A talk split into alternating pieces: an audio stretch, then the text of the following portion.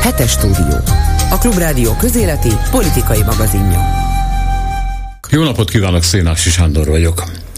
A KSH legutóbbi felmérése szerint a magyar lakhelyekből arányosan a legtöbbet magányos emberek lakják, másfél milliónyian, ezután jönnek csak a három-öt fős háztartások. A magány tehát az egyedüllétnek egy különösen megélt társadalom formáját persze könnyen azonosítjuk az idősek, még inkább az özvegyek világával, holott az özvegyek száma a legutóbbi 20 évben 1 millióról lecsökkent 800 ezerre, ráadásul egy részük jó esetben családban él. Viszont az igazán kérlelhetetlenül magányosok száma ugyanannyi idő alatt megduplázódott, világos tehát, hogy másról van szó. Ahogy az amerikaiak fogalmaznak, pusztító népbetegségről, ami egyáltalán nem korkérdés. A Matagallup tavaly őszi 142 országban végzett felmérése szerint a megkérdezettek 24%-a magányos, leginkább fiatal felnőttek, 29 éves korig bezárólag. Persze tudjuk, még a legnagyobb kutatóintézeteknek sem kell mindent elhinni, nekik is vannak furcsa vagy okés, de csak félig meddig betartott protokolljaik, ráadásul túl sok emberrel készült a felvétel ahhoz, hogy ne nőjön a hibahatár. Tehát az adatok legyenek inkább tájékoztató jellegűek, ám a tendencia így is világos. A világ kezd rohadtul magányos lenni. Nagy-Britanniától Japánig, ahol ezt a csontikható érzést Kiki Komorinak hívják egy ideje, és ők speciál valóban nagyon régen ismerik. Semmi és senki sem egyforma persze. Van, akit magányosnak bélyegeznek, de szeret egyedül élni. És van, akit elben körülvesz a családja, holott attól, mert valami társas még nagyon is lehet magány. Az is igaz, hogy fiatal korban a maró egyedüllét mindenféle aktuális kortünet nélkül is létezhet, csak ezt mi már elfelejtettük. Ezen kívül semmilyen kétdimenziós statisztika nem írja le az emberek szövevényes, sokdimenziós kapcsolatait, ám de.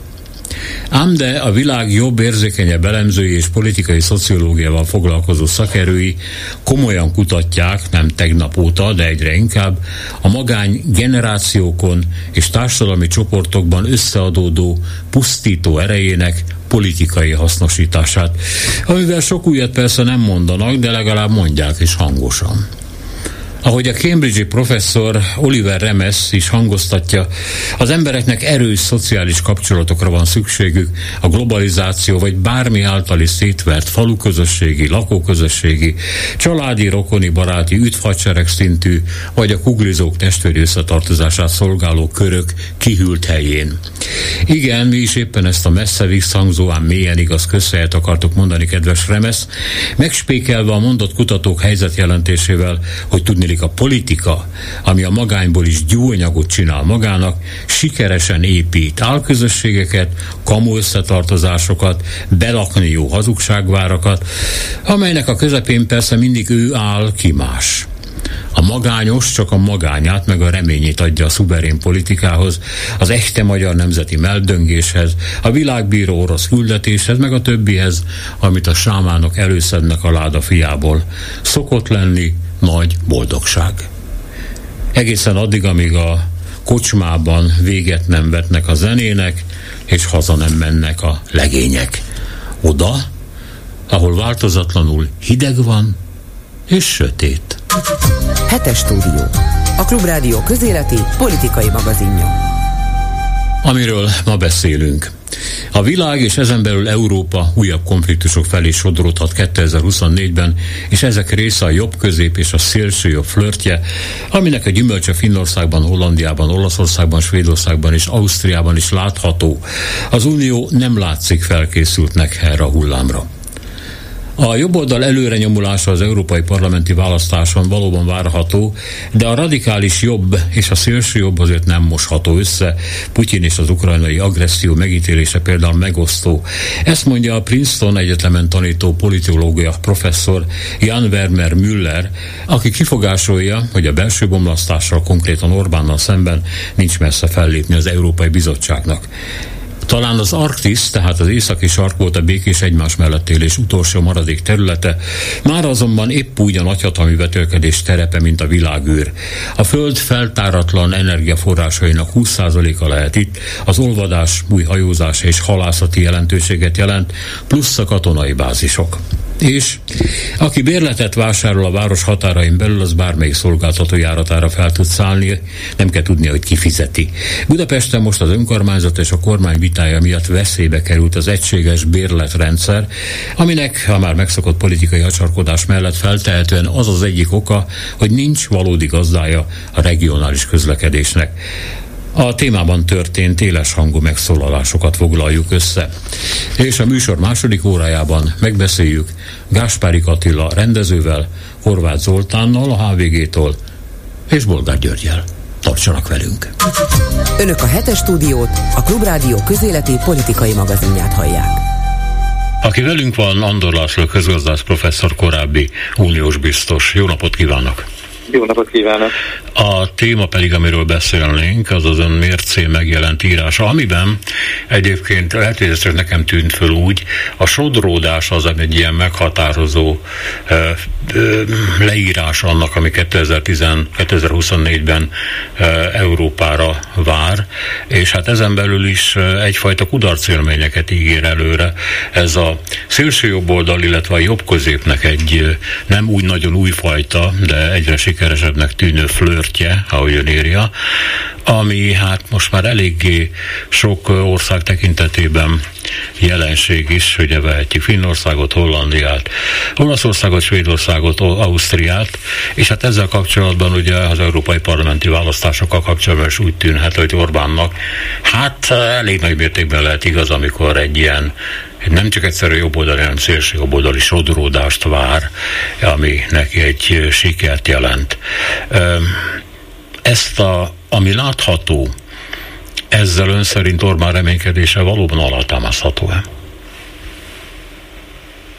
Azt gondolom, hogy ugye, mielőtt Orbán Viktor szempontjaival foglalkozunk, számot kell vetni, hogy mi történt 2023-ban, és valóban ebből, hogyha nem változnak meg bizonyos alapvető trendek, akkor kijöhet az, hogy akik a szélsőségesebb jobboldali irányzatokat támogatják, a, a, a 2024-es évben ugye további előrelépést fognak elkönyvelni, de, de valóban ez a sodródás a 2023-ra mindenképpen jellemző, az, hogy a pozitív szám, számítások nem következnek be, az, hogy a ukrajnai háború után egy másik nagy háború elindul, ugye ez Izrael gázai akció, aminek máig nincs vége, és nem is látható, hogy hol lesz vége. Tehát ez mind azt mutatja, hogy egyre halmozódnak azok a fejlemények, amelyek csak az áldozatokról szólnak, mint egy lefelé vezető spirálban lennénk, és ebben az Európai Unió vezetése inkább követi ezeket a negatív fejleményeket, mint sem bármilyen formában megtalálná az ellenszerét, megtalálná azokat a megoldásokat, amivel ismét konszolidálni lehetne a folyamatokat és valamiféle fölfelé vezető pályát megtalálni. De hát itt nemzeti folyamatokról van szó, amelyeket az Unió nem igen tud kontrollálni. Tehát mire gondol pontosan, amikor azt mondja, hogy az Uniónak föl kéne készülni egy új korszakra, ami hát nem egészen a, hogy mondjam, csak a demokratikus közép, vagy baloldal, vagy éppen a liberálisoknak a túlsúlyáról szólhat esetleg? Igen, tehát nemzetállamokon belül történnek politikai változások, de ezeknek a mozgatói sok esetben közösek. Tehát az, hogy van egy eh, háború most már majdnem két éve a határaink mellett, ez nyilvánvalóan egy közös befolyásoló tényező. Az, hogy van egy gazdasági stagnálás, um, annak megint csak uh, vannak közös okai, ez részben maga a háború, de az is, hogy a pandémia után ugye sok gazdasági lépés uh, vitatható volt, és tulajdonképpen az inflációtól megriadva sok esetben a központi bankok egy lassulásba kormányozták a makrogazdasági folyamatokat. Tehát vannak közös elemek, amelyek miatt a társadalom egy növekvő része elégedetlen, és a növekvő elégedetlen rész hát vagy megtalálja, vagy nem a kormányon levő pártokban a megoldás lehetőségét, és úgy tűnik, hogy ha nem találja meg, akkor egyre kevésbé vannak gátlásai a tekintetben, hogy adott esetben a szélső jobb oldal felé forduljon. Tehát Németországban, ami ugye a legnagyobb európai szereplő, elég egyértelműen látszik már ez a trend, de máshol is. Ön a jobb közép és a szélső jobbnak a flörtjét egyfajta jóléti sovinizmus érdekében látja megkötetni vagy folyni.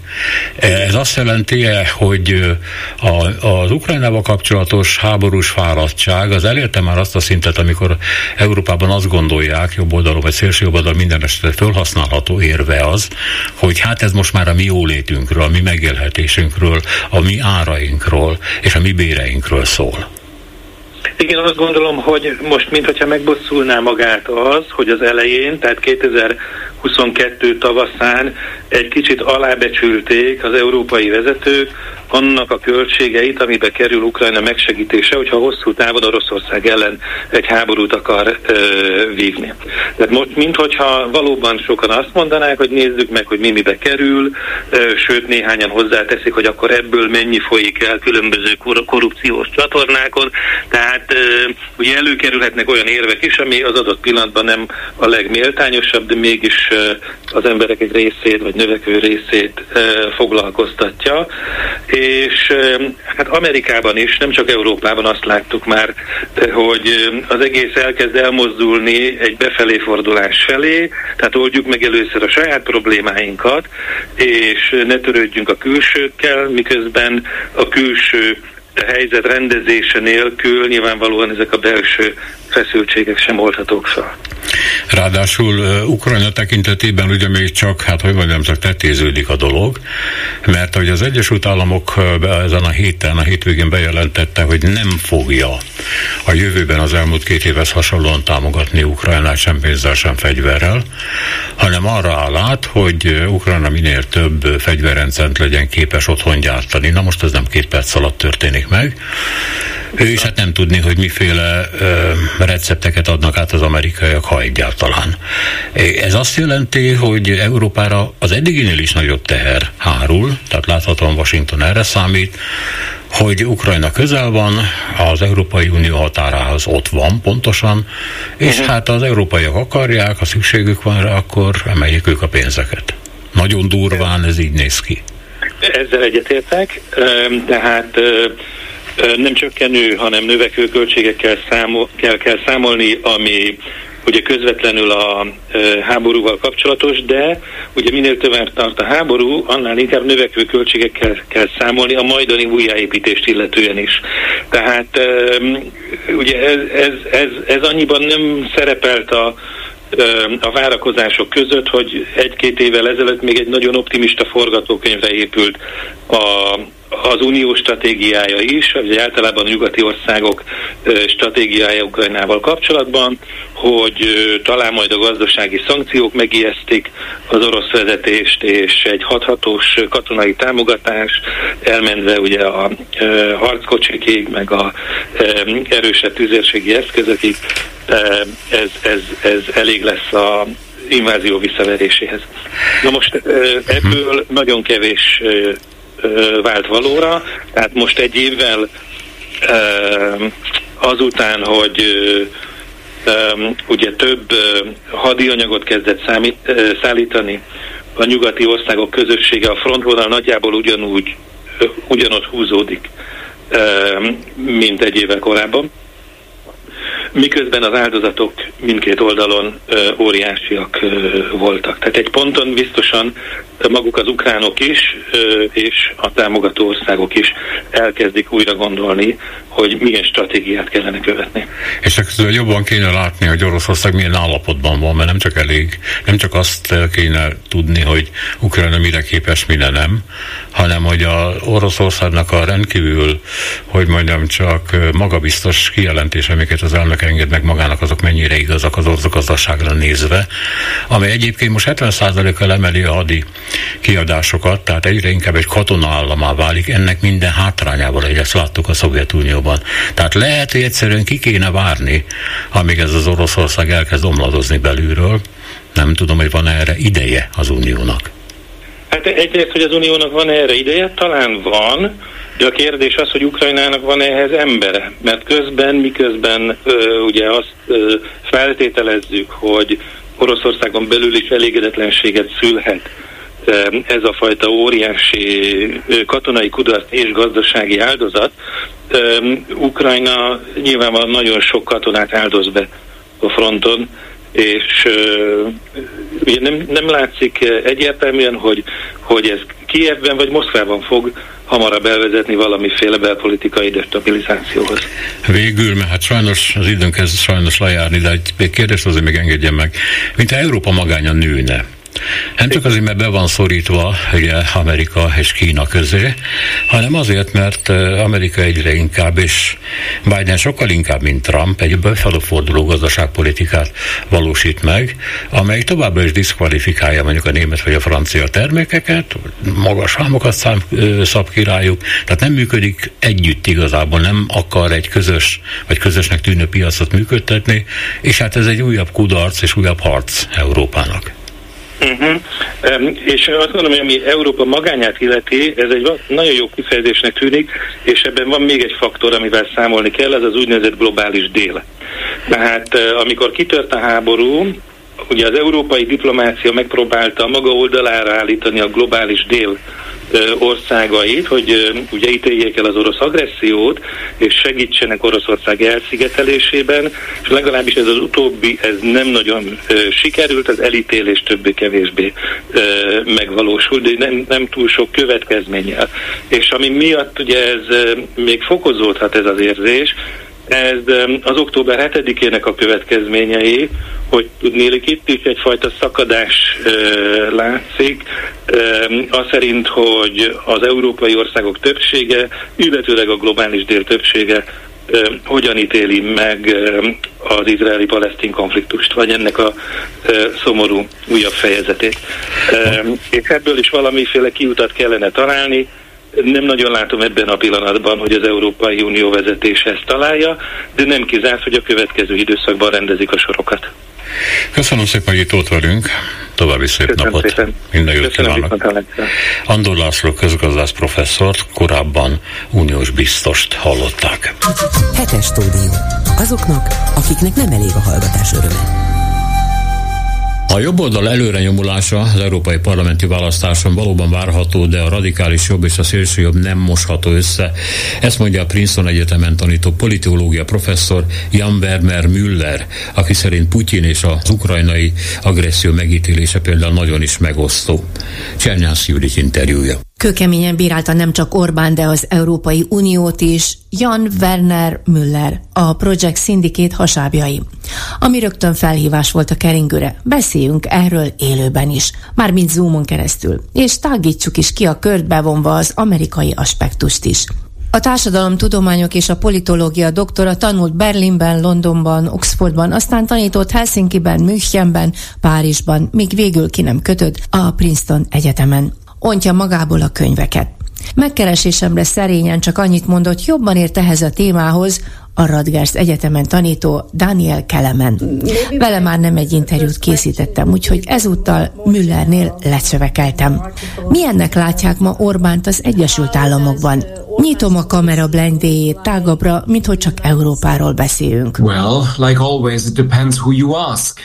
I think there are by now, as you know, plenty of uh, people on the right who uh, de facto agree with the view that uh, there should be no more money, uh, no more weapons for uh, for Ukraine. Attól függ, kinek teszi fel a kérdést. A jobb oldalon egyre szélesebb azok tábora, akik azt mondják, nincs több pénz, nincs több fegyver Ukrajnának. Így tehát egyetértenek, sőt, egyre jobban egyetértenek Orbánnal.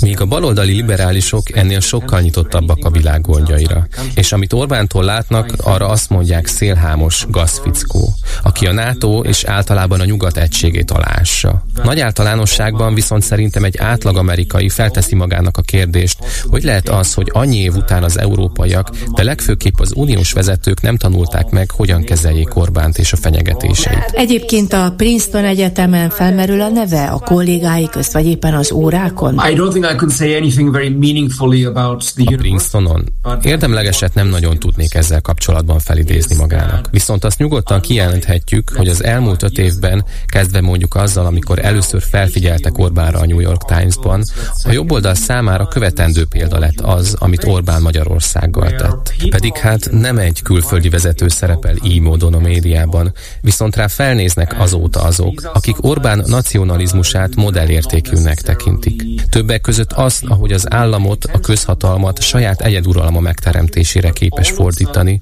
és aminek nevében új erkölcsöt, új családszemléletet és új keresztény ideológiát hirdet. Ez új jelenség Amerikában, amit tíz évvel ezelőtt még nem tapasztalhattál meg. Nem véletlenül keresik fel egyre gyakrabban Orbánt a jobboldal prominensei. Ami korábban számunkra megkérdőjelezhetetlen volt, a demokratikus rend, mára ez kezd elporladni, és veszi át a helyét az autokratikus szemlélet. Márpedig ez komoly aggodalomra ad okot itt is. Ráadásul, ahogy Oroszországban, úgy önöknél is az idén választások lesznek. Trump esélyei, hogy visszakerül a Fehérházba, soha nem voltak jobbak. Látjuk a közvéleménykutatási eredményeket. Orbán és Trump jó barátként tüntetik fel magukat, és ez a barátság meghatározhatja az európai politikát is, amennyiben Trumpot újra elnökké választják. Tovább menve, nem csak Európára, de milyen hatással lesz kettejük jó barátsága a világpolitikára. Nem vagyok biztos abban, hogy bárki jó barátságban lehetne Trumpal. Hisz megtapasztaltuk, ha valami rosszat tesz az illető, ami nem szolgálja Trump érdekeit, akkor azonnal dobja őt. És igazából azt sem mondanám, hogy kapcsolatuk maffiaszerű, mert még a mafiózók világában is nagyobb a törvényszerűség, a meghatározott szabályokhoz való igazodás, mint amit láttunk a Trumpi rendszerben.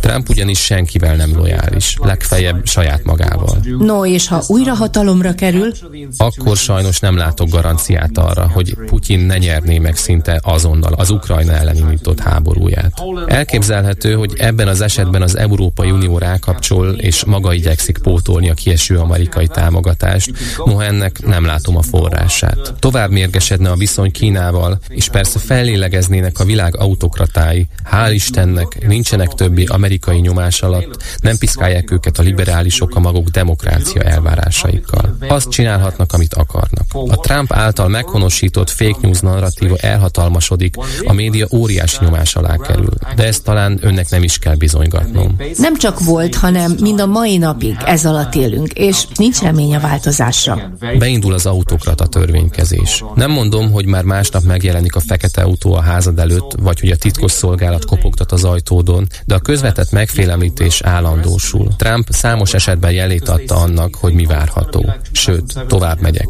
Az okos emberek a környezetében újabb és újabb ötletekkel állnak majd elő.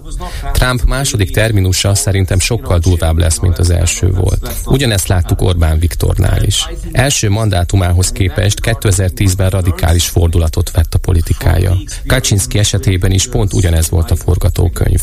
Maguk alá gyűrték a médiát, az igazságszolgáltatást és a demokratikus intézményeket. Trump is ezt fogja tenni. Hiába mondják itt egyesek, hogy az amerikai demokrácia erős, és a fékek és ellensúlyok meg fogják állítani Trumpot. Én sajnos ebben nem bízom. Persze, majd azt mondják, hogy azért ez mégsem a fasizmus, nincs mitől félnünk. Nem, nagyon is van mitől félnünk. Veszélyes világ vár ránk.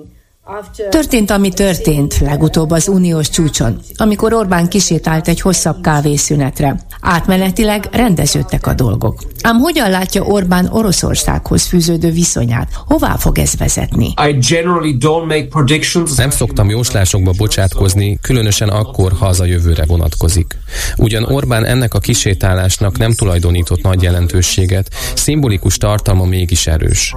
Az viszont tény, hogy következménye egyelőre nem egetrengető. Sajnos Orbán továbbra is meg fog mindent akadályozni, ami Ukrajna uniós vagy NATO tagságát elősegíteni. Éppen ezért is tartom fontosnak, amit lépten hallunk is, hogy Magyarország nem érdemli meg az európai adófizetők pénzét. A támogatások visszatartása alapvető ebben a szituációban. Attól tartok, noha jó taktikai húzás volt a kávészünet Scholz részéről, de csak késlelteti azt, ami úgy is nyilvánvaló. A fontos döntések meghozatalakor akadályozni fogja az egységes álláspont kialakítását. Habár hozzá kell tegyem, vannak olyan vélemények is, hogy Orbán legvégül nem fogja blokkolni Ukrajna uniós tagságát, de erről egyelőre értelmetlen spekulálni. Ám már most hallottunk olyan hangokat, hogy Orbán álláspontja csak elősegíti azt, hogy mások is előjöjjenek. Az Ukrajna felgyorsított csatlakozásának problémáival, a maguk aggájaival. Nem mondok most nagy újdonságot, de az látszik, hogy Orbán túl nagy hangsúlyt fektet a nyáron esedékes uniós választásoknak. Nem véletlenül nyomatékosítja, hogy a brüsszeli bürokraták nem hallják meg az emberek hangját. Ezért is támad meg minden a migrációs szabályozással kapcsolatos döntést. És ezért jön elő a békejavaslatával, ami jelen esetben Oroszországnak kedvez. Ezzel üzenget is a populista vezetőknek. Az is világos mindannyi számára, hogy a Brexit nem jó megoldás, hisz maguk is látják, mennyi kárt okozott az az Egyesült Királyságnak. Ezért ők bennmaradva szeretnék a maguk képére formálni az Európai Uniót. Beállnak Orbán mögé, azt állítva, hogy ez a közösség ne legyen föderalista, hanem legyen ez a független nemzetekből álló szövetség. És ahogy ezt Orbán is mondta Zürichben, évben a Weltwoche svájci konzervatív hetilap jubileumi ünnepségén az Európai Bizottság elnöke legyen a mi alkalmazottunk, és a döntéseket a kormány és államfőkből álló Európai Tanács hozza meg. A rendezvényen ott volt a Nobel-díjjal most kitüntetett Krausz Ferenc is. Az elsősorban a többiekkel felállva tapsolt a beszéd végén, és utána közös fotó is megörökítette találkozásukat. Ezzel kimondta azt is, hogy a bizottságnak ne legyen feladata az alapokmány betartása fele törködni. Ne hozzon döntéseket, csak hajtsa végre azokat, amelyeket az egyes nemzetek a saját egyéni érdekeiket megfogalmazva hoznak meg.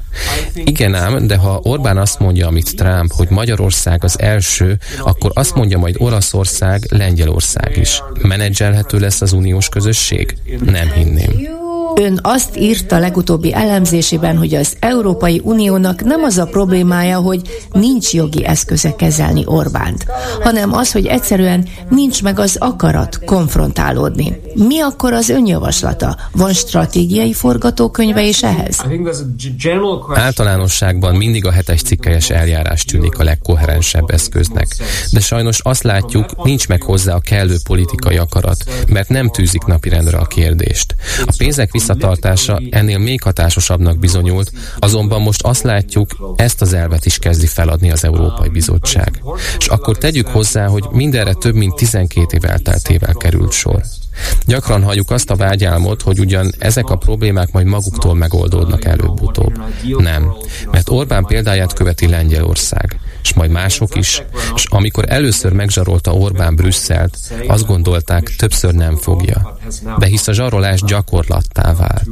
Orbán viszont ennek épp az ellenkezőjét állítja, hogy őt zsarolja Brüsszel a pénzzel. Na ná, hogy ezt mondja. Mi sem természetesebb ennél. Trump is azt mondja, hogy Biden fasiszta. Na ná, hogy ilyen a leghatásosabb pszichológiai fegyver. Szóval attól tartok, a bizottság nem lesz következetes, nem fogja számon kérni a jogállamot az Orbán kormányon. Viszont hibát követ el, ha nem vigyáz az európai adófizetők pénzére, amikor egy kleptokráciának juttat belőle. Az úgynevezett szuverenitás védelmi törvény bátor elfogadása is mutatja, valóban semmi nincs, ami megfékezni Orbánt, hisz az uniós pénzek feloldásával egy időben fogadtatta el ezt a törvényt is. Well, first of all, and you hinted at this earlier, ahogy maga is utalt rá, az autokraták folyamatosan kitalálnak olyan törvényeket, amelyek rettegésben tartják, megfélemlítik az embereket, civileket, újságírókat, pártokat. Ez már nem a 20. század repressziója. Finomra hangolt törvénykezéssel húznak egyet és még egyet a gyeplőn, hogy minél szorosabb legyen. És közben pávatáncot is lejtenek, hogy ne legyen egyértelmű, mi is zajlik. Persze, ha kritika éri őket, akkor látványosan visszatáncolnak, és akkor sokakban azt az érzést kelt, fenyegetik, hogy mégiscsak visszaadják a szabadságot.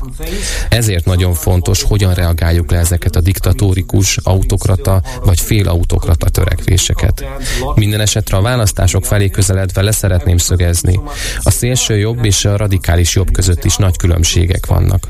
Hisz még ha az ilyen természetű kérdésekben egyet is értene Meloni, Kaczynski és a többiek Orbánnal, az semmiképp sem jelenti számukra, hogy Putyinról ugyanazt gondolnák, mint amit Orbán gondol. Nyilatkozta a rádiónknak Jan Vermeer Müller, a Princeton Egyetem professzora. Önök a hetes stúdiót, a Klubrádió közéleti politikai magazinját hallják. Talán az Arktisz, tehát az északi sark az utolsó terület, ahol a békés egymás mellett élésnek volt még valami értelme, mert ugye a világűr militarizálása, a világűrér való nagyhatalmi verseny már korábban elkezdődött. Az Arktisz talán picit később került a képbe, és most már elmondhatjuk, hogy ez sem egy szűz terület, természetesen a klímaváltozásról, illetve az olvadásról van szó, arról, hogy miféle nyersanyagkincsek találhatók a területen, hogy miféle új tengeri útvonalak nyílhatók, alakíthatók, hogy a halászatnak miképpen nyílnak lehetőségei, és hát a katonai jelenlét természetesen nem utoljára, az hogyan válik valósággá. Zoltai Alexandra van velünk, a Szegedi Tudományegyetem Konfuciusz Intézetének magyar igazgatója, az Eurázsia Központ kutatója. Jó napot kívánok! Üdvözlöm! Az ugye még rendben lenne, hogy az északi országok küzdenek ott a jelenlétért, de hát úgy tudom, hogy ez már nem egészen igaz, mert Kína is bejelentkezett már, ami nem egészen sarköri ország. Így van.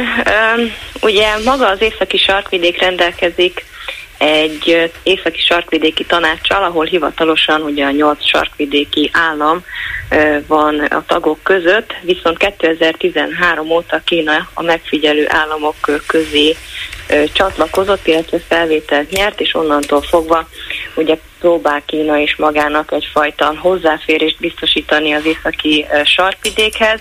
Ez egészen odáig fajult, hogy 2018-ban Kína kibocsátotta az első északi sarkvidéki fehér könyvét, amelyben stratégiailag be is kapcsolta az ugye 2013-ban bejelentett övezetés útkezdeményezéshez az északi sarkvidéket is, mint egyfajta tengeri útvonalat is, úgyhogy abszolút módon bizonyította, hogy neki ott bizonyos stratégiai céljai vannak. Ami az egyik legfőbb aspiráns Oroszországot illeti, azzal kapcsolatban két e, dologra lehet leelni a különféle elemzésekben. Az egyik az, hogy talán Oroszország ébredt a leghamarabb az Artis jelentőségét illetően, illetve az ukrajnai háború. Ami viszont fölébresztette Európát, az Egyesült Államokat is valamiképpen, e, és hát innentől kezdett éleződni a verseny, ha jól számítom, akkor 2022. februárja, vagy tudom én pár hónappal később. Igaz ez a föltételezés? Így van, ugye addig az északi sarkvidék abszolút módon próbálta a politikai versengésekből kimaradni, egy abszolút semleges térségként definiálta magát, viszont az ukrajnai háború kirobbanása óta ez már nem mondható el, hiszen ahogy az említett északi sarkvidéki tanácsnak a hét tagja honnantól fogva ugye azonnal kivonult a, a tanácsban való részvételből, hiszen akkor pont Oroszország volt a, a sor, Oroszországon volt a, a soros elnökség, úgyhogy így a, funkciója is abszolút mértékben a, a háttérbe szorult. Oroszország jelenléte hogy az északi sarkvidéken megkérdőjelezhetetlen, hiszen a területek több mint a felét birtokolja, illetve az ott lévő lakosok majdnem, hogy a felét Oroszország adja, így Oroszország egyszerűen megkerülhetetlen szereplője az északi sarkvidéknek, és most már abszolút módon elmondhatjuk azt, hogy a geopolitikai nagyhatalmi versengést kezd a térségre is átterjedni, hiszen Oroszországgal nagyon szorosan együttműködik Kína és az északi sarkvidéken, és ugye Amerika, illetve az európai országok most kezdenek felúcsúdni, hogy hát bizony valahogy az ő javukra is vissza kellene billenteni ezt a, a, ezt a mérleget. Ugye az amerikai vezetés nagyon sokáig elhanyagolta ezt a területet, viszont most azt látható, hogy elkezdődtek olyan politikai törekvések, ahol ezt a, ezt a területet nagyobban, hangsúlyosabban ki szeretnék emelni. De ez hogy képzelhető el a gyakorlatban, hogy, hogy megpróbálják felosztani országok szerint ezt a területet, oda telepíthető mondjuk amerikai bázis, a szomszédban meg orosz, és így tovább, illetve a halászati jogok ennek a területnek a, a vízpartján érvényesíthetők bizonyos távolsági, és így tovább. Én maga az északi sarkvidék egy nagyon bonyolult földrajzi szerkezetnek tekinthető, hiszen az, orsz, az maga a sarkvidéki országok is egymással konfliktusba, illetve hát vetétársaként állnak, hiszen nagyon sok területet magukénak követelnek. Igazából még nincs az északi sarkvidéknek egy, egy abszolút módon csak a sarkvidékre írt törvénykezése, illetve olyan szervezet, ami, ami érvényesíteni tudná magukat az elfogadott törvényeket, illetve szabályozásokat. Jelenleg ugye a nemzetközi az UNCLOS van érvényben az északi sarkvidéken, de hát ugye az nem kifejezetten az északi sarkvidékre lett írva, úgyhogy ezek nagyon nehezen betarthatóak, illetve nagyon sajátos kialak, földrajzi kialakítása van magának a, a sarkvidéknek, úgyhogy az országok egymással is hát vers, versengésben állnak mag, mag, magán az északi sarkvidéken, illetve hát ugye a nagyhatalmak, mint például Kína is, is beköszönt, hogy hát ő is szeretne részt venni az északi sarkvidék úgymond felosztásában, hiszen Kínának az az érdeke, hogy az északi sarkvidék az ugye nemzetközileg mindenki legyen, mindenki hajózhasson rajta szabadon, mindenki hozzáférjen az ott lévő nyersanyagokhoz, viszont ugye az északi sarkvidéki országok ez abszolút módon ki szeretnék sajátítani, hogy nyilvánvalóan, hogy ővéjük legyen a, a, a haszon. És ugye a, magának a, a klímaváltozásnak következtében ugye ott a, a tengeri áramlatok is melegebbé váltak, a, a hal, halpopuláció is elkezdett teljesen átalakulni, és ilyen módon nagyobb lett ugye a, a hozzáférhetőség is ugye a halászati jogokhoz a, a jégolvadásával, ezért az országok erre is hát bejelentkeztek, hogy bizony, bizony ők ott halászati javakat akarnak maguknak, hiszen Kína, Dél-Korea, Japán vagy a, a dél-kelet-ázsiai országok is a túlhalászat problémájával küzdenek, viszont ugye egyre nagyobb az igény ezek iránt, a halászati cikkek iránt, úgyhogy valahonnan ezt pótolniuk kell. Igazából vannak olyan országok, amelyek a, az a halál, bocsánat, a szállítási útonalakat is akarják kontrollálni, mert hogy olvastam azon írásában, hát őrült nagy különbségek vannak Észak-Európa, illetve a a távol-kelet elérésében, mert ugye itt a korábban jeges tengeren most, hogy lehet hajózni, akkor nem kell ezt igénybe venni, meg óriási nagy kerülőket, és hát több napra lehet csökkenteni a szállítási távolságokat. Ezért is harc folyik?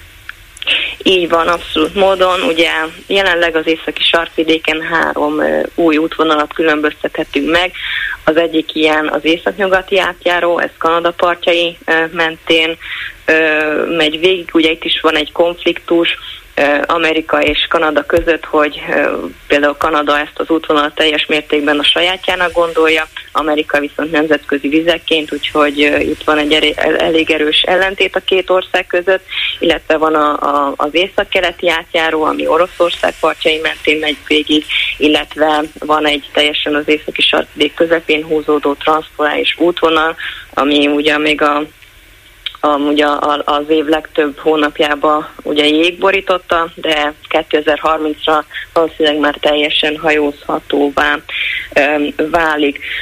Ugye 2021-ben pont most készítettek Kínából egy kimutatást arra az évre vonatkozólag, akkor ugye a, a legnagyobb kínai tengeri szállítási cég, a COSCO 14 utat hajtott végre az észak észak-keleti útvonal, ugye az orosz partok mentén, és ez a, ez a kimutatást azt, azt mondta, a, azt mutatta meg a kínai ugye a statisztikai hivatalnak, hogy, hogy ez, az, ez az útvonal 120 nappal tudta csökkenteni a az útvonalaknak a, a hosszát a szuezi csatornához viszonyítva, és ezzel 7000 tonna üzemanyagot tudtak megtakarítani, ami nem kevesebb, mint 9,3 millió dollár spórolást tudott nyújtani a kínai szállítási vállalatnak ezzel, úgyhogy tényleg egy, egy nagyon nagy mértékű spórolásról tudunk beszélni, nem csak idő tekintetében, hanem üzemanyag, illetve költség tekintetében is.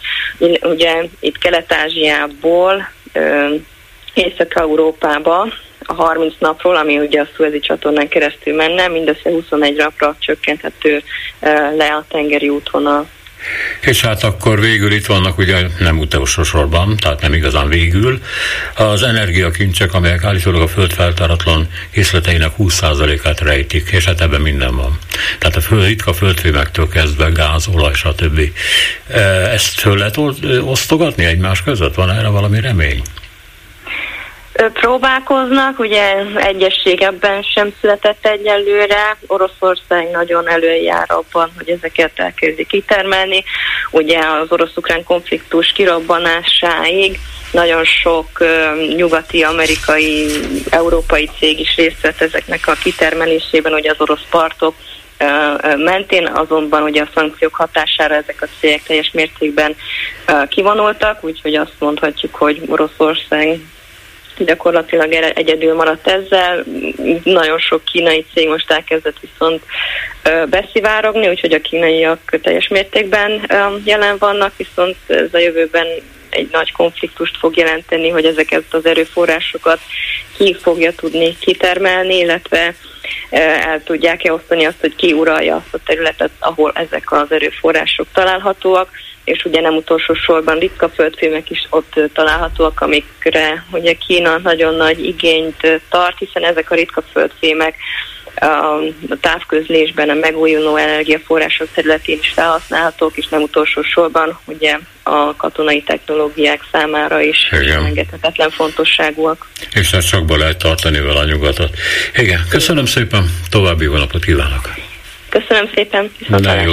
Zoltai Alexandrát hallották, a Szegedi Tudomány Egyetem Konfuciusz Intézetének magyar igazgatóját, az Eurázsia Központ kutatóját. Hetes stúdió. Azoknak, akiknek nem elég a hallgatás öröme. Aki bérletet vásárol a város határain belül, bármely szolgáltató járatára fel tud szállni, nem kell, hogy érdekelje, ki fizeti. Budapesten az önkormányzat és a kormány vitája miatt veszélybe került az egységes bérletrendszer. Ennek egyik oka a szokásos politikai acsarkodáson túl, hogy nincs valódi gazdája a regionális közlekedésnek. Józsa Márta összefoglalója. Egy kiszivárgott minisztériumi tervezet alapján január 1-től megszűnhetett volna többek között a Budapest bérlet is. Később a BKK bejelentette, hogy átmenetileg minden marad ugyanúgy, miután sikerült megállapodni a MÁV-val, a hívvel és a volánnal. Azonban a MÁV később közleményben tudatta, hogy legkésőbb március 1-én is biztosan megszűnik a Budapest bérlet.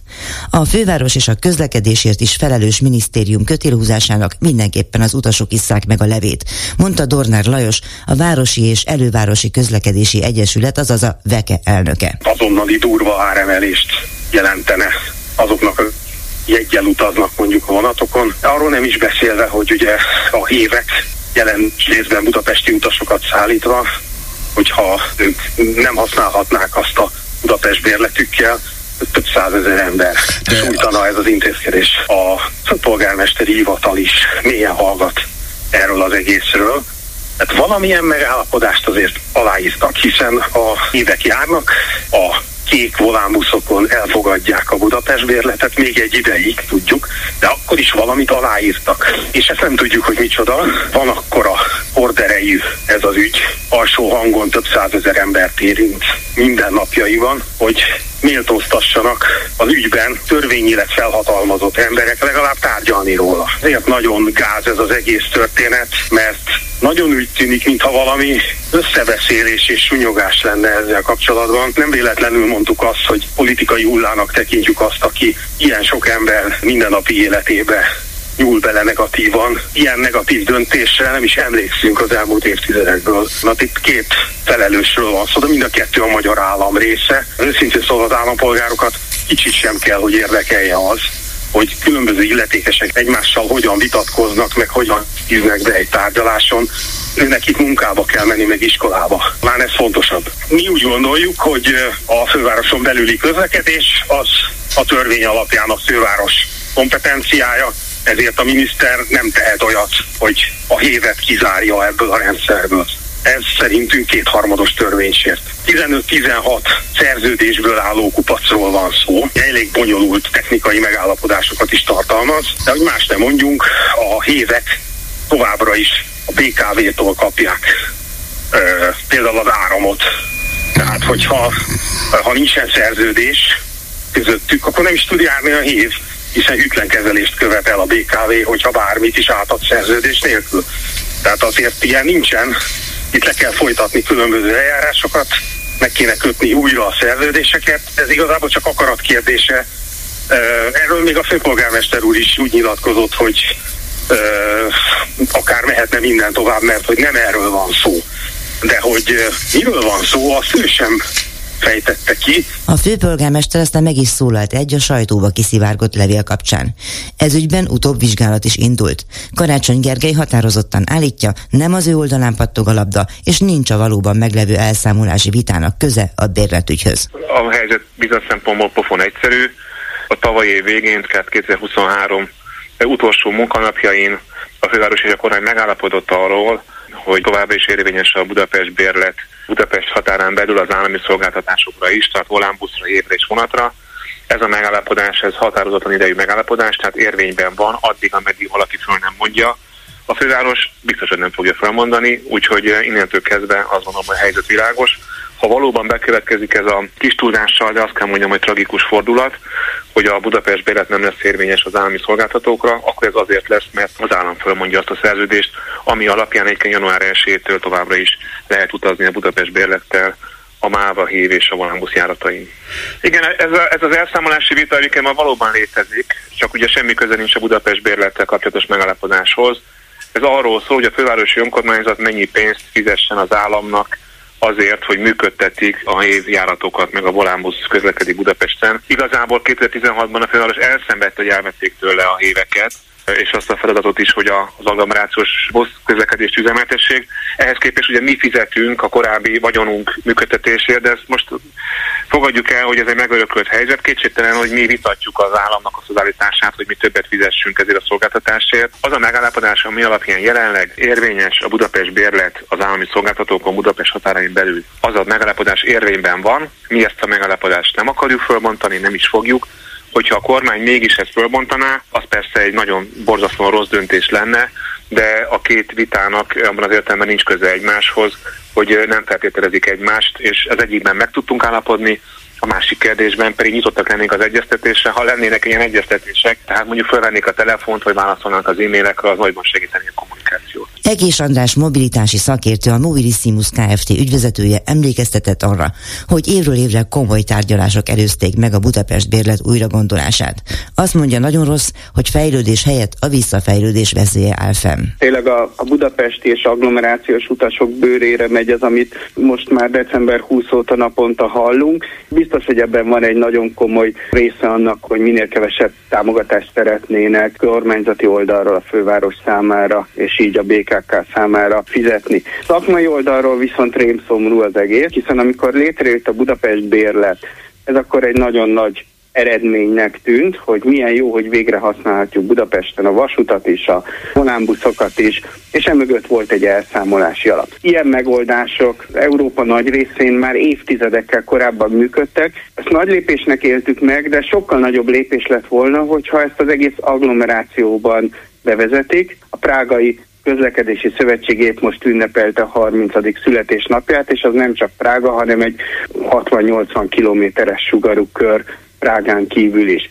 Tehát ebből az összehasonlításból nézve nagyon-nagyon komoly az elmaradás, és hogyha visszalépünk abban, hogy Budapest bérlet megszűnik, nem lesz érvényes vasútra, volánbuszra, hívjáratokra, kikerülnek a futárrendszerből az agglomerációban közlekedő járatok, akkor ezt én úgy szoktam mondani, hogy, hogy visszakerülünk a közlekedési középkorba, gyakorlatilag nem tudok még egy olyan város sok száz vagy akár ezer kilométeres körben felmutatni, ahol ne lenne egy, egy integrált közlekedési megoldás arra, hogy a városban és térségében egységes tarifával, egységes rendszerben. Évtizedes múltal nincs gazdája a városi közlekedési rendszereknek minisztériumi szinten, és itt szerintem legfájóbb az, hogy nincs egy, egy úgynevezett regionális vagy térségi megrendelői szint, amit most képzeljük el azt, hogy mondjuk van egy, egy regionális BKK az egyszerűség kedvéért, aki együtt rendeli meg a szolgáltatásokat Budapestre, térségére abszolút jó helyismerettel, és nem egy minisztériumi szinten történik mindez. Draskovics Tibor, a BKK igazgatóságának elnöke szerint is mindenképpen fenn kell tartani a Budapest bérletet, holott arányaiban és összegében is egyre csökken a kormányzati támogatás. A kormány, a közlekedési minisztérium érzi azt, hogy ebben az ügyben egy teljesen védhetetlen pozícióba manőverezte magát. A szándékai bár nem teljesen világosak, hiszen még a mai napig nem lehet tudni, hogy tulajdonképpen hova is akar eljutni a minisztérium. A szándékai azok súlyosan sértik a budapestiek és az agglomerációban élők érdekeit, és ezért megpróbálják valahogy, ha máshogy nem megy, akkor hazugságokkal, meg ferdítésekkel a felelősséget máshova tolni. A kormány legalábbis eddig, az eddig az az elmúlt évet jelentette, 12 milliárd forinttal támogatta a fővárosi közösségi közlekedés működtetését. Csak hogy érteni lehessen a nagyságrendeket, ez ma már nem éri el a fővárosi közösségi közlekedés működési költségeinek 10%-át sem. Kultúrországokban nagyvárosok közösségi közlekedésének finanszírozása az lényegében három lábon áll. Fizetnek az utasok, támogatja ezt az önkormányzat, és támogatja a kormány, általában ilyen egyharmad, egyharmad, egyharmad arányban. Ma a kormány hozzájárulása nem éri el a 10%-ot sem, az utasoké körülbelül kiteszi az egyharmadot, és a főváros pedig évről évre egyre többet és többet kénytelen erre költeni, egyszerűen azért, mert a közösségi közlekedést ha törik, ha szakad, működtetni kell, és a fővárosi vezetés működtetni is fogja. Ilyen körülmények között egy nagyon jelentős emelés azon az összegen, amit a főváros fizetne a minisztériumnak az agglomerációs járatok üzemeltetése kapcsán, hát ez nem tűnik, semmiképpen se tűnik méltányosnak. A BKK vezérigazgatója szerint a jövő héten a minisztérium és a főváros között úgynevezett operatív tarifa megbeszélést fognak folytatni. Jelentsen ez bármit. Hetes stúdió. És jön a megbeszéljük Horváth Zoltánnal, HVG, Gáspári Katila rendezővel, média szakemberrel és Bolgár Györgyel. Üdvözlet az uraknak! Hát kezdjük a Kezdjük a jó hírrel, azt, hogy mennyire jó hír, azt majd meg fogjuk beszélni, a pedagógus bérek emeléséről van szó.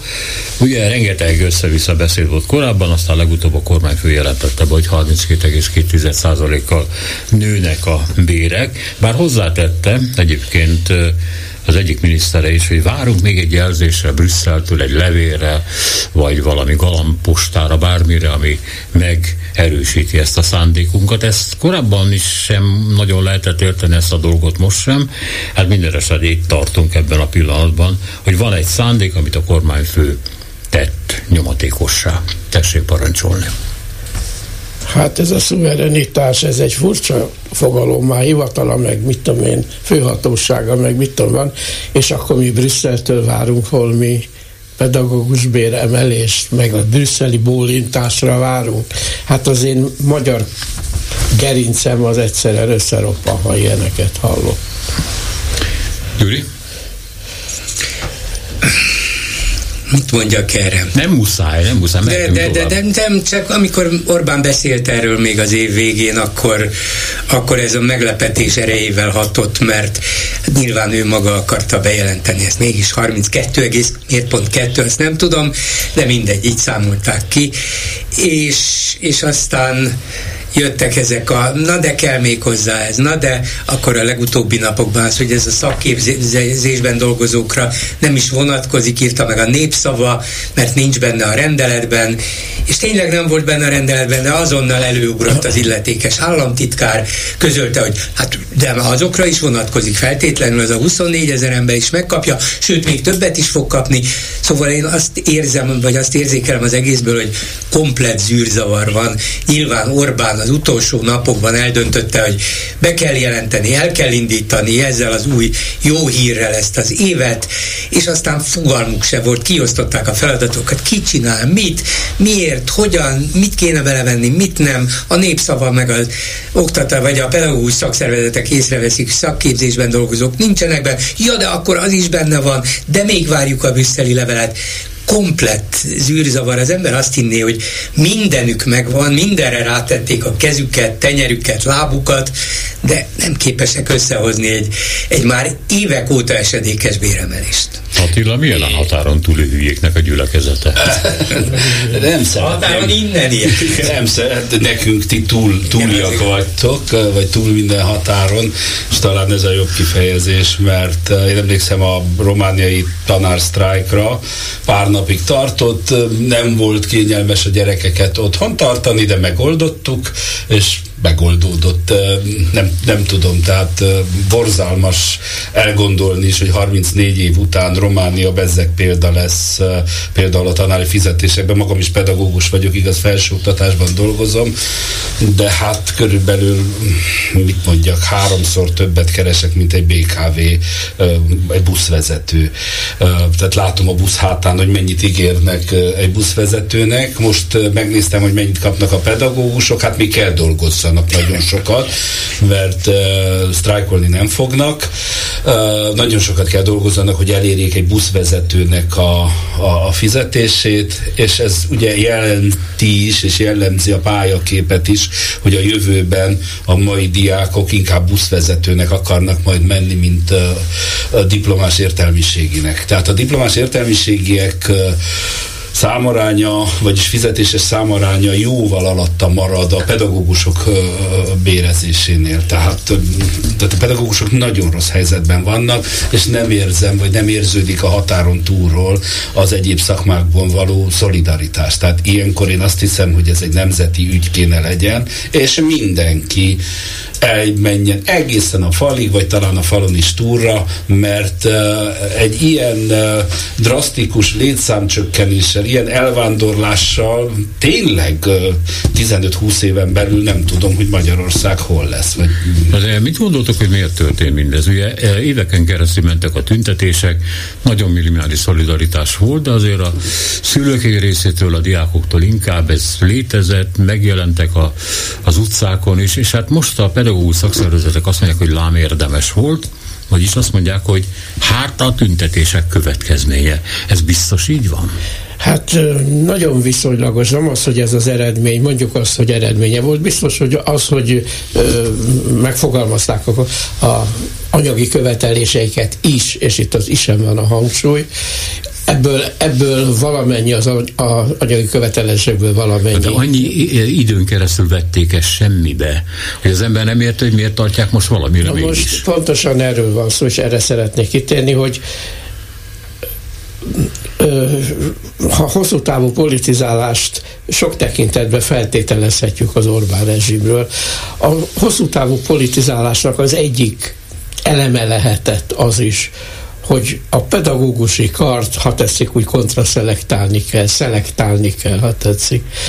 Mégpedig úgy, hogy mielőbb és minél nagyobb számban hagyják el ezt a pályát azok a renitens, másképpen a pedagógiát, a nevelést, az oktatást másképpen gondoló emberek, akik adott esetben azt a fajta feudális hierarchiát, amit tetején is létre sikerült hozni, esetleg opponálhatják. És ha gondolunk az elmúlt fél évnek a nagy pedagógus kiszállásaira, nem kis létszámba, és a folyamatosra menet közben, azt láthatjuk, hogy és arra, hogy a pedagógus társadalom milyen Lagymatagon milyen félszívvel, milyen félenergiával vett részt azokban a társadalmi mozgalmakban, amelyek éppen az ő, meg az iskola rendszernek a, a, a legalább szinten tartására, vagy legalábbis javítására törekedtek volna, akkor azt kell mondjuk, hogy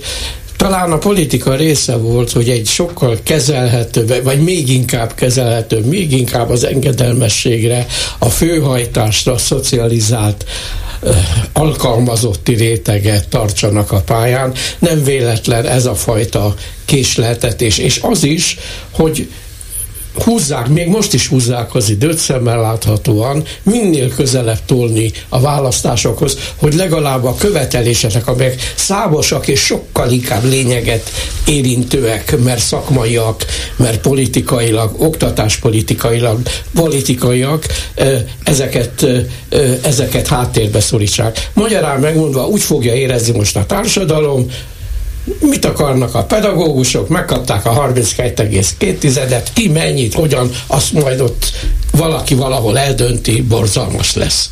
Tovább?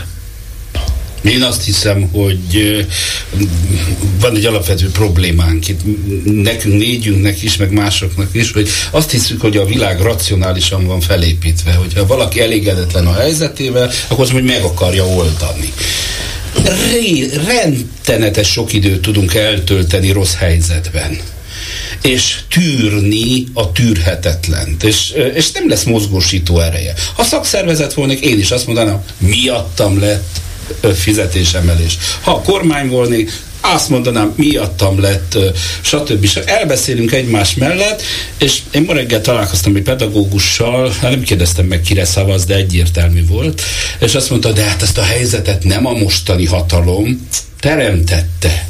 Úgyhogy nekünk most, hogy mondjam, nem jó, meg lopnak is, de ha ők jönnek, akkor az még rosszabb lesz. És azt hiszem, hogy erre van kitalálva az egész koncepció, hogy örülj, amíg nyugodtan ülünk a langyos vízbe, rosszabb ne legyen. És ez a rosszabb ne legyen, ez nekem rémesen emlékeztet az 1989 előtti romániai helyzetre. Hogy aztán ott mitől indult be, és mi voltunk egy adott pillanatban az utcán, nem tudom, nem szeretném, hogy itt valaki is az utcára kerüljön, de ez az egymás mellett való elbeszélés, ez, ez nagyon érdekes, ez sok doktorátus születik majd ebből lassan kezd kialakulni itt ez az Orbán apánk igen, helyzet. Igen hogy jó-jó, hát tudjuk, hogy vannak problémák, Orbán ugyan zseniális, de hát a környezetében a kiváló elképzeléseit nem hajtják végre rendesen, meg vannak gazemberek is, csirkefogók, de hát nem nézhet oda mindenre, hát azért az ő feje sem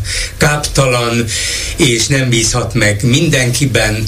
Szóval a lényeg az, hogy ő itt van, nekünk ő a biztonság, ő előre lát húsz évre, hát hogy most éppen nem látta, hogy a jövő héten mi lesz, vagy hogy kéne megoldani, ez azért van, mert félretájékoztatják, mert becsapják, mert a különböző haszonlesők a saját társaságában, gárdájában is megakadályozzák őt ebben.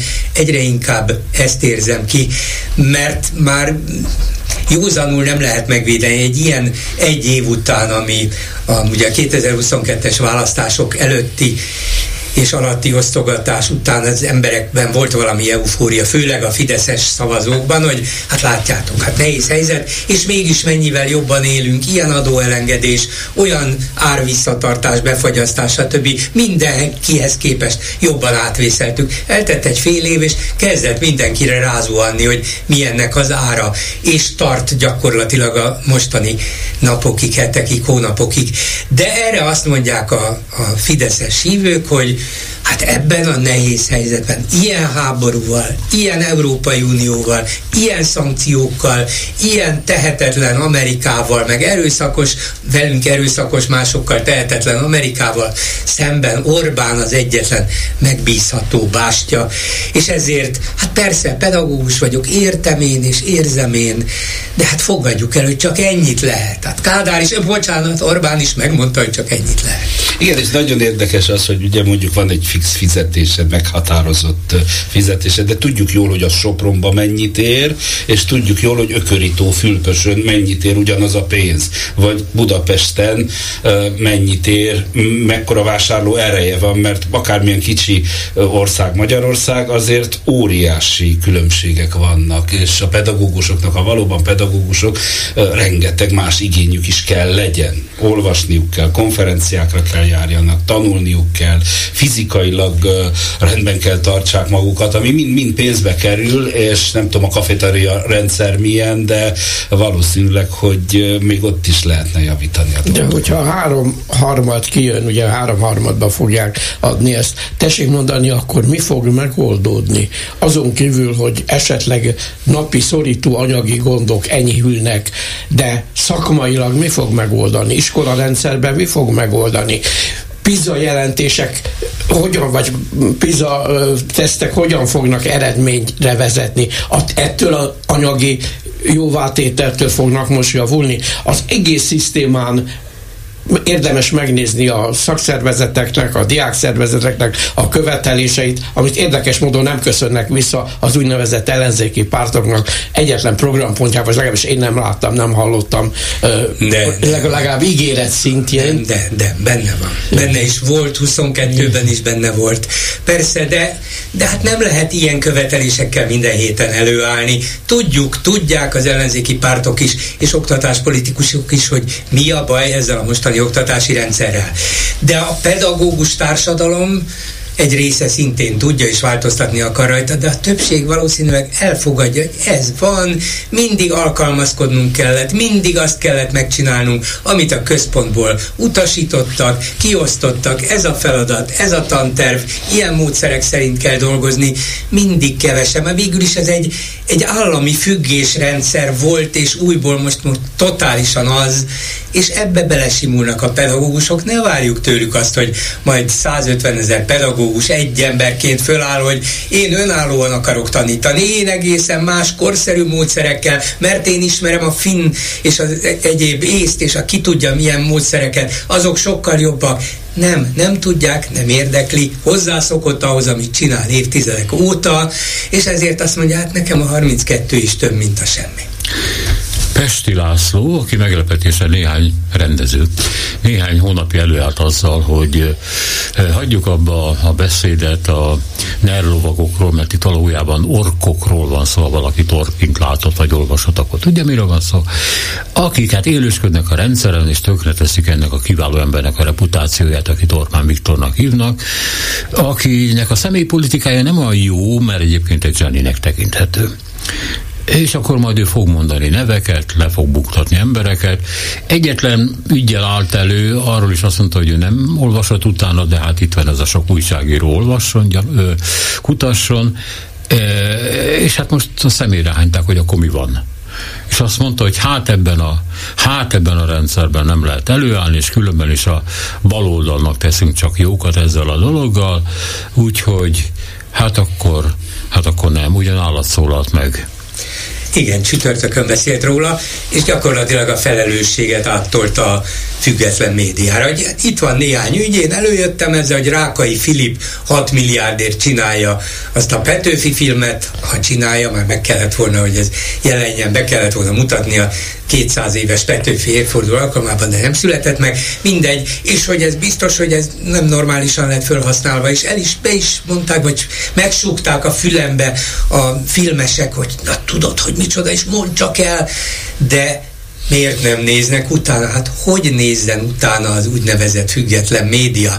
Hát erre, ha elmennek a filmintézethez, tessék kiadni a az adatokat, tessék kiadni a dokumentumokat, hát úgy néznek majd rájuk, mint a hülyékre. Mit? Mi között hozzá? Vagy amit kikérhetnél törvény szerint, azt majd megkapod két év múlva, ha kiperled. Szóval Pesti úgy állította be egy fél évvel ezelőtt a dolgot, hogy neki egy csomó releváns, leleplező információ áll rendelkezésére, csak az a kérdés, hogy ő mikor kit akar lebuktatni.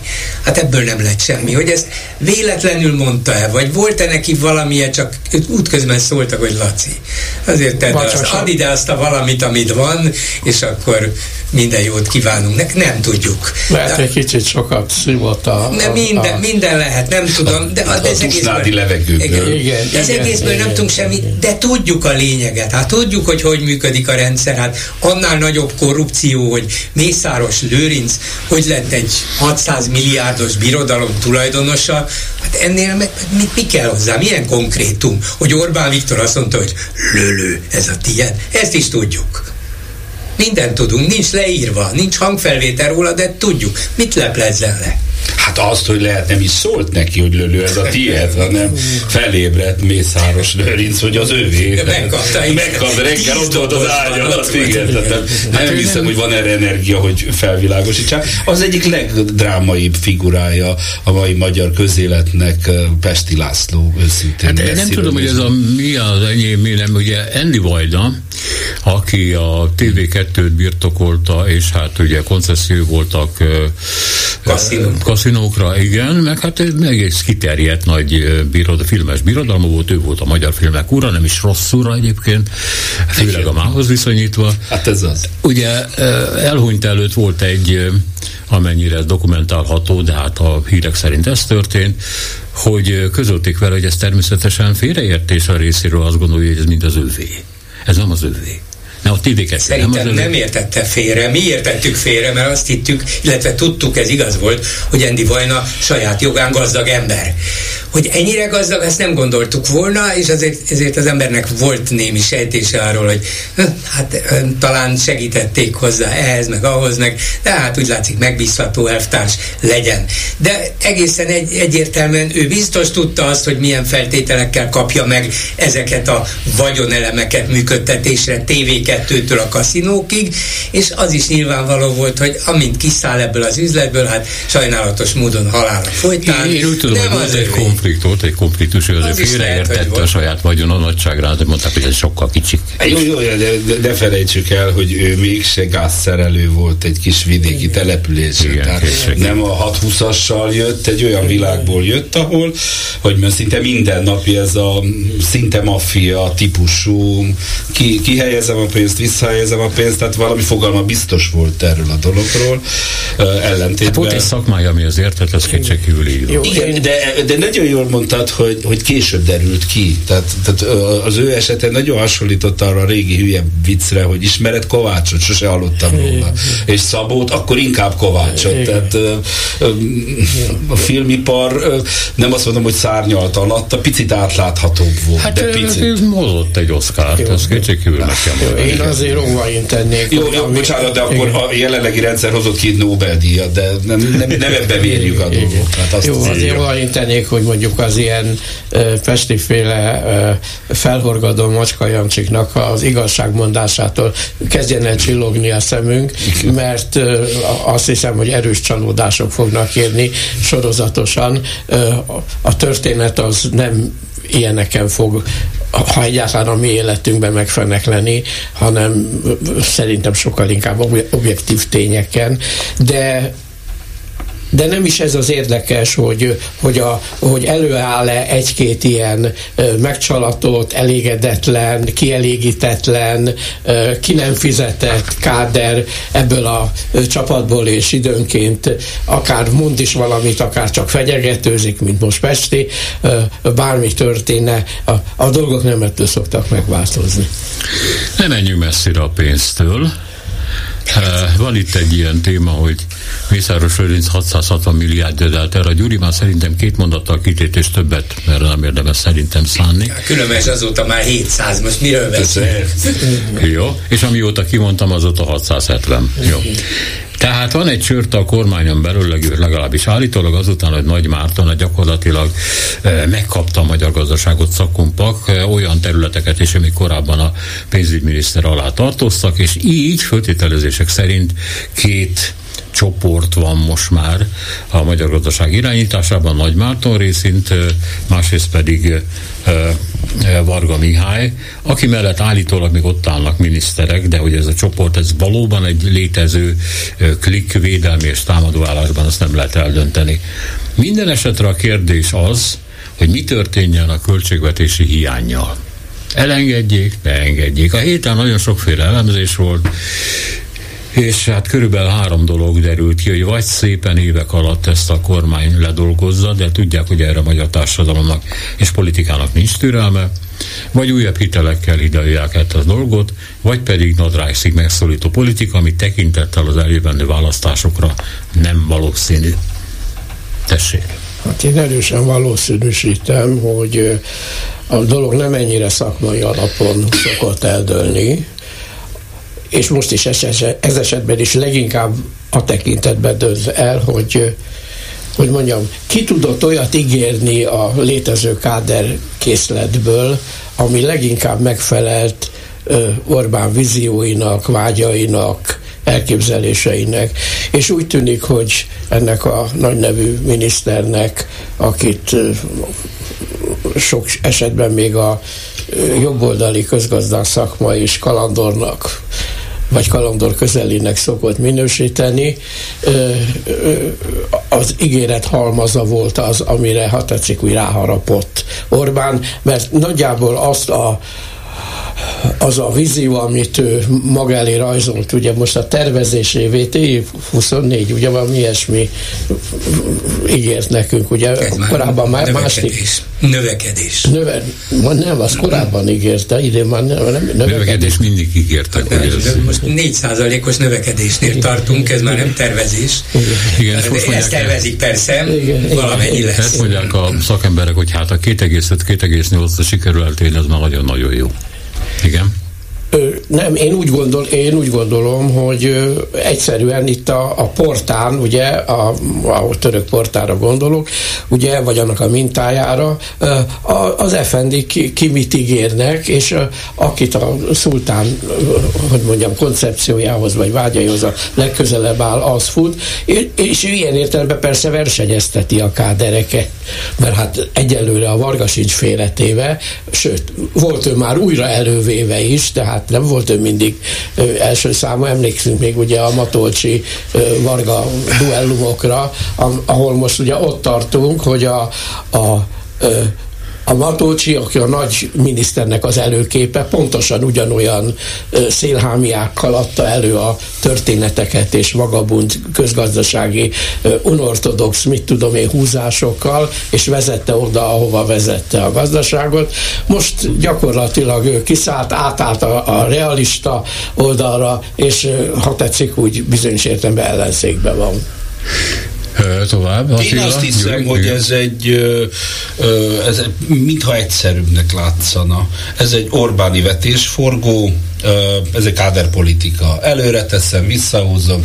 Lázár Jánossal hányszor mosta fel, és hozta vissza, és mindenki reménykedett, hogy Lázár pártot fog csinálni, és majd az jó lesz, és avval is eltelt két-három hónap, megint nem történt semmi. Szőcs Géza, Isten nyugosztalja. Hol leváltották, hol kinevezték, hol leváltották, a nép meg örült, hogy valami történik, most valami történik, most ugye mindenki szorít, hogy jaj, Varga, nehogy elmenjem, ez mégiscsak realista volt, ez mégiscsak nagyot egy kicsit előre küldték, majd ha belebukik, akkor azt mondják, e, tévedtünk, a Varga visszajön. Tehát nincs ebbe szerintem semmilyen koncepció, vagy ígéret, vagy van egy rettegés ott fent, hogy ma téged, holnap engem, és ez a kiszámíthatatlanságból, vagy kiszámíthatatlanságából Orbán Viktor sportot űz. Tehát azt mondod, hogy ennek az egész ö, kádermozgatásnak nincs köze ahhoz a kérdéshez, hogy mit kezdjünk a költségvetési hiányjal? Valamit kell kezdeni, és, és elterelem a figyelmet azzal, hogy embereket kezdek el cserélni egymás között. Hát attól még a hiány van, és az A hiányt nem érezzük, vagy vagy hogy mondjam, az átlagember nem érzi. Hát kevesebb farhátat vettem, vagy nagyobb farhátat vettem, tehát valami olyan beszakadás kéne legyen, ami szerintem elképzelhetetlen. Nem, nem érezzük ezt, hogy most 4%-os volt a növekedés, vagy 4,5%-os volt a növekedés. Én egy olyan országban élek, ahol Európában a legnagyobb a vásárlóerő növekedés. Hát én se érzem.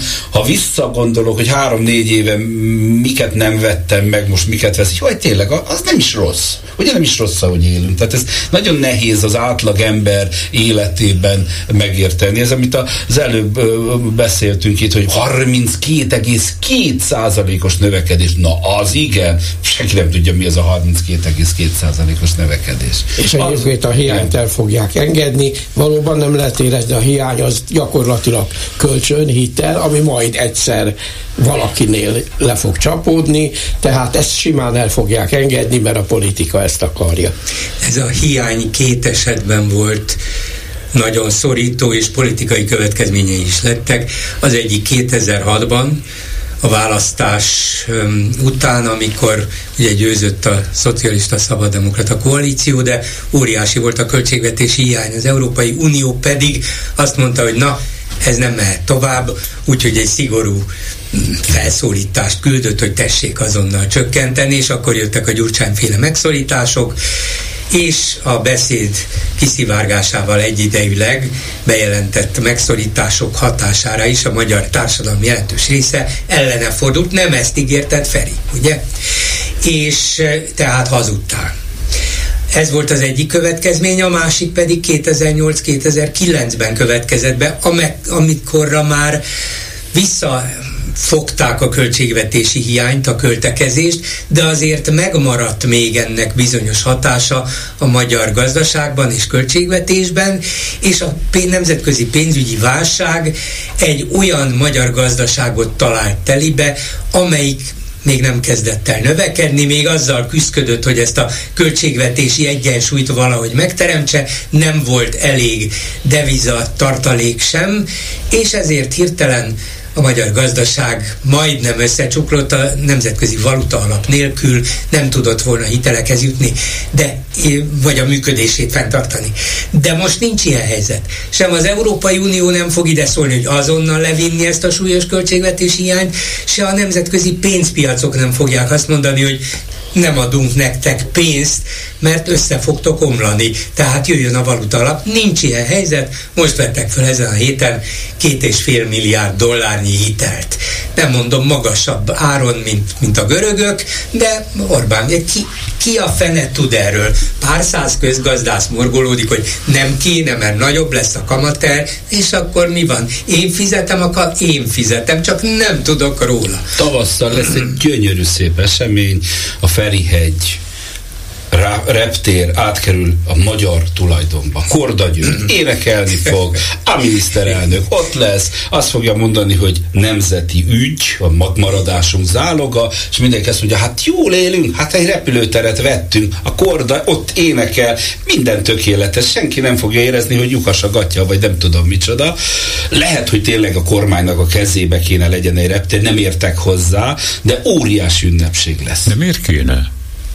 Hát nem ugye az a kérdés, hogy miután nem volt az elmúlt 15 évben a kormány kezében a repülőtér, ettől nem tudtunk elutazni, hát, vagy nem jöttek ide, de, vagy a, a Ferihegyi repülőtér sokkal kevesebb utas tudott fogadni. Nem, többszörösére növekedett a forgalom, és többször egymás után a térség legjobban működő repülőterévé választották szakmai már szélről, hogyha a kormány kezébe kerül a repülőtér, biztos, hogy ezután mindig el fogunk tudni utazni? nem, elutazni el fogunk tudni, visszajönni nem biztos. Egyesek. Néztem ma reggel a Komáromi állomáson volt, a vasútállomáson, hát úgy néz ki, mint amit úgy ott felejtettek a, a Rákosi mm. rendszerből. Na de van vagy négy ilyen gyönyörű márvány tábla, hogy a 85. alkalommal, a 75. ezek tök értelmetlen táblák. Az volt az értelme, hogy kivonult a akkori városi tanács, vagy nem tudom, és átvágtak egy szalagot, és volt fénykép, volt hír. Fölrakták a márványt a romokra. Kurvára jól élünk. Hát tettünk egy táblát. Na most ez a, ez a reptér is körülbelül ilyen lesz, hogy hát reptér, erről mindenki hallott, ez olyan, mint a Nokiás doboz. Ja, azt mindenki látott. Na, hogy azt mondom, elloptak három milliárdot. Hát igen, nem kellett volna. De Nokiás doboz, reptér, ezek nagyon szimbolikus dolgok, és ebben verhetetlen a mai magyar kormány tanácsadói testület. Ezt De itt, itt azért van még pénz is, csak nem tudjuk, hogy milyen módon és hogy fog ez a pénz oda menni, ahova szánják természetesen. Tehát a reptérhez kapcsolódnak különböző nem mi kell tudjuk. működtetés, nem ők tudják biztos, és szerintem van még valamilyen stratégiai elképzelés is, hogy hogyan teremtsék meg, ugye ez azzal összefüggésben, hogy Orbánnak a legújabb mániája ez az interkonnektivitás, nem szabad hagynunk, hogy elszakadjon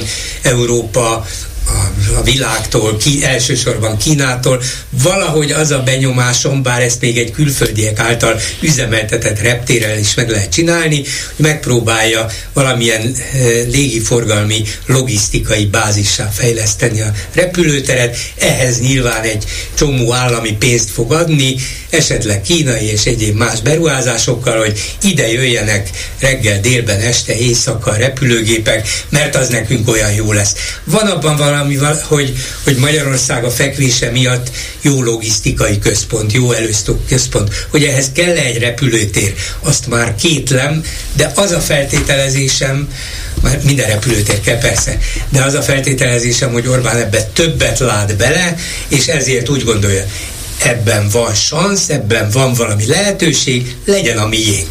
Olyan rosszul nem járhatunk. Most nem az országra gondol, hanem a sajátja. Nincs nekünk illúziónk a tekintetben, hogy ez, ez biztos, hogy a magyar államé lesz. Vagy De sok, mondom, sok mindent látunk még már a tekintetben, persze. ami először az állami lett, aztán holnap a mészáros vagyon Persze, persze, erre céloztam, hogy különböző igen, pénzek, különböző útjai. Igen. Az állam az lehet, hogy csak egy formális tulajdonos lesz, és lehet, hogy egy határ... Autosztráda például? Autosztráda. Vagy egy határon túli magyar alapítványig lesz. Na, vigyázz Attila azért. Hamarabb haza tudunk utazni. Köszönjük. Következő hír.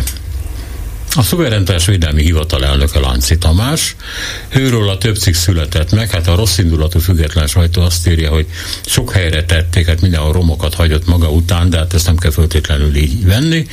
Ő nyilatkozott egyébként, arról, hogy mit lehet várni tőle, azt mondta, hogy bízzanak bennem. Ugye mit jelent pontosan nem tudom, illetve, hogy a választás tisztasága felett fog őrködni, és nála is előkerült a e, micsoda, dollárbalóda, igen. E, hát ennyit tudunk az ő terveiről. Hát egy kiváló strapakáder, ha végigkövetjük a, ugye ezt a kádári disziplinát alkalmazzuk rá, mert ő aztán tényleg végigjárt Tolnát, Baranyát az ég világon mindenhol. Az, hogy hol hagyott és mekkora romokat, az fogalmam sincs, de tény az, hogy hogy mondjam, a furkósbot szerepét azt itt-ott már egészen, itt, itt-ott már egész jól eljátszotta például amikor a figyelőbe listázott, azt hiszem, hogy ez, ez egy, az akkor ez egy ilyen forradalmian úttörő terv volt, amikor a, vagy tett, tett volt, amikor a, azt hiszem, talán a magyar tudományt listázta nyugati elkötelezettség és egyéb politikai pozíciók alapján, és hát nem kétséges, ugye, hogy, hogy egy ilyen fajta minden hová betekintést kapó, nyerő szervezet, ami, aminek igazán a, a cselekvési lehetőségeit nem ismerjük, csak a, hogy mondjam, az aktív szankcionálási lehetőségeit nem ismerjük, csak a kutatási lehetőségeit ismerjük, és ez a kutatási lehetőség, ha tetszik, teljes egészében omnipotens, tehát mindenhová betekinthet. Azért mondjuk ez nem egy jó előjel, és ugyan egy legutóbbi nyilatkozatában ő igyekezett az Orbán narráció szerint példákat hozni, hol van még valami hasonló. Kiderül, hogy ilyen nincs. Végül ő is elismerte, hogy ez egy hungarikum. Ő is az egyébként. Tovább. Gyuri? Miért kuncogsz? hogy ő is hungarikum. Hát a legnagyobb hungarikumunk maradjunk abban Orbán Viktor. Ő találta ki ezt az egészet, nyilván Láncit is ő találta ki. Már a múlt héten is elmondtam itt ebben a műsorban, hogy azzal, hogy őt nevezték ki, valószínűleg a dolog propaganda jellegét próbálta erősíteni, hogy nem kell annyira félni, és Láncinak is ez volt a nyilatkozata, hogy nem kell itt félni, bízzanak meg bennem, mi igazán nem is vagyunk hatóság, mi csak azért vagyunk, hogy, hogy felügyeljünk a választások törvényes betartására, a szabályok betartására, és így tovább.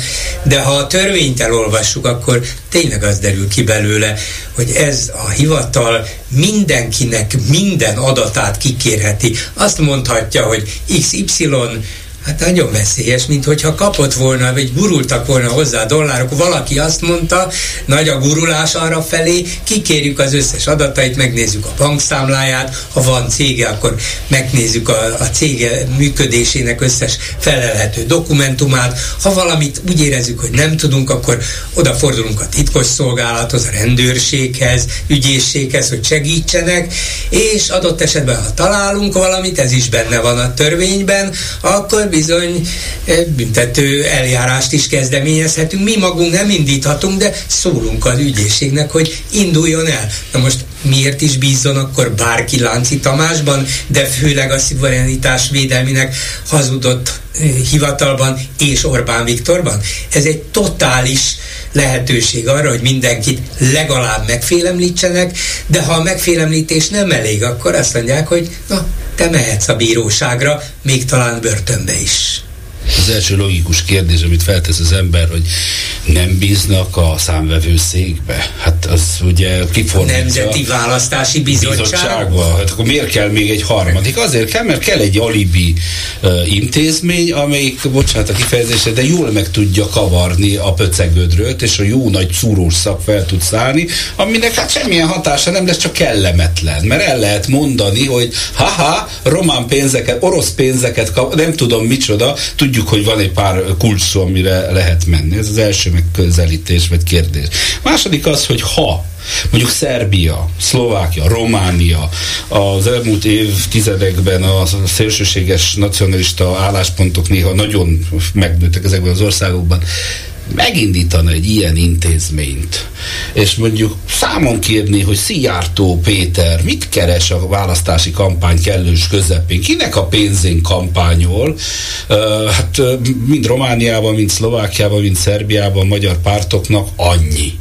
Tehát abban a pillanatban nem jutnak be a parlamentbe. Tehát ez egy tűzzel való játék. Ez, ezt én, hogy mondjam, nem hülyeség, de elmondom, kikérem magamnak határon túli magyarként, mert ez nekünk nagyon rossz lesz, és tudjuk, hogy a példák nagyon-nagyon ragadósak.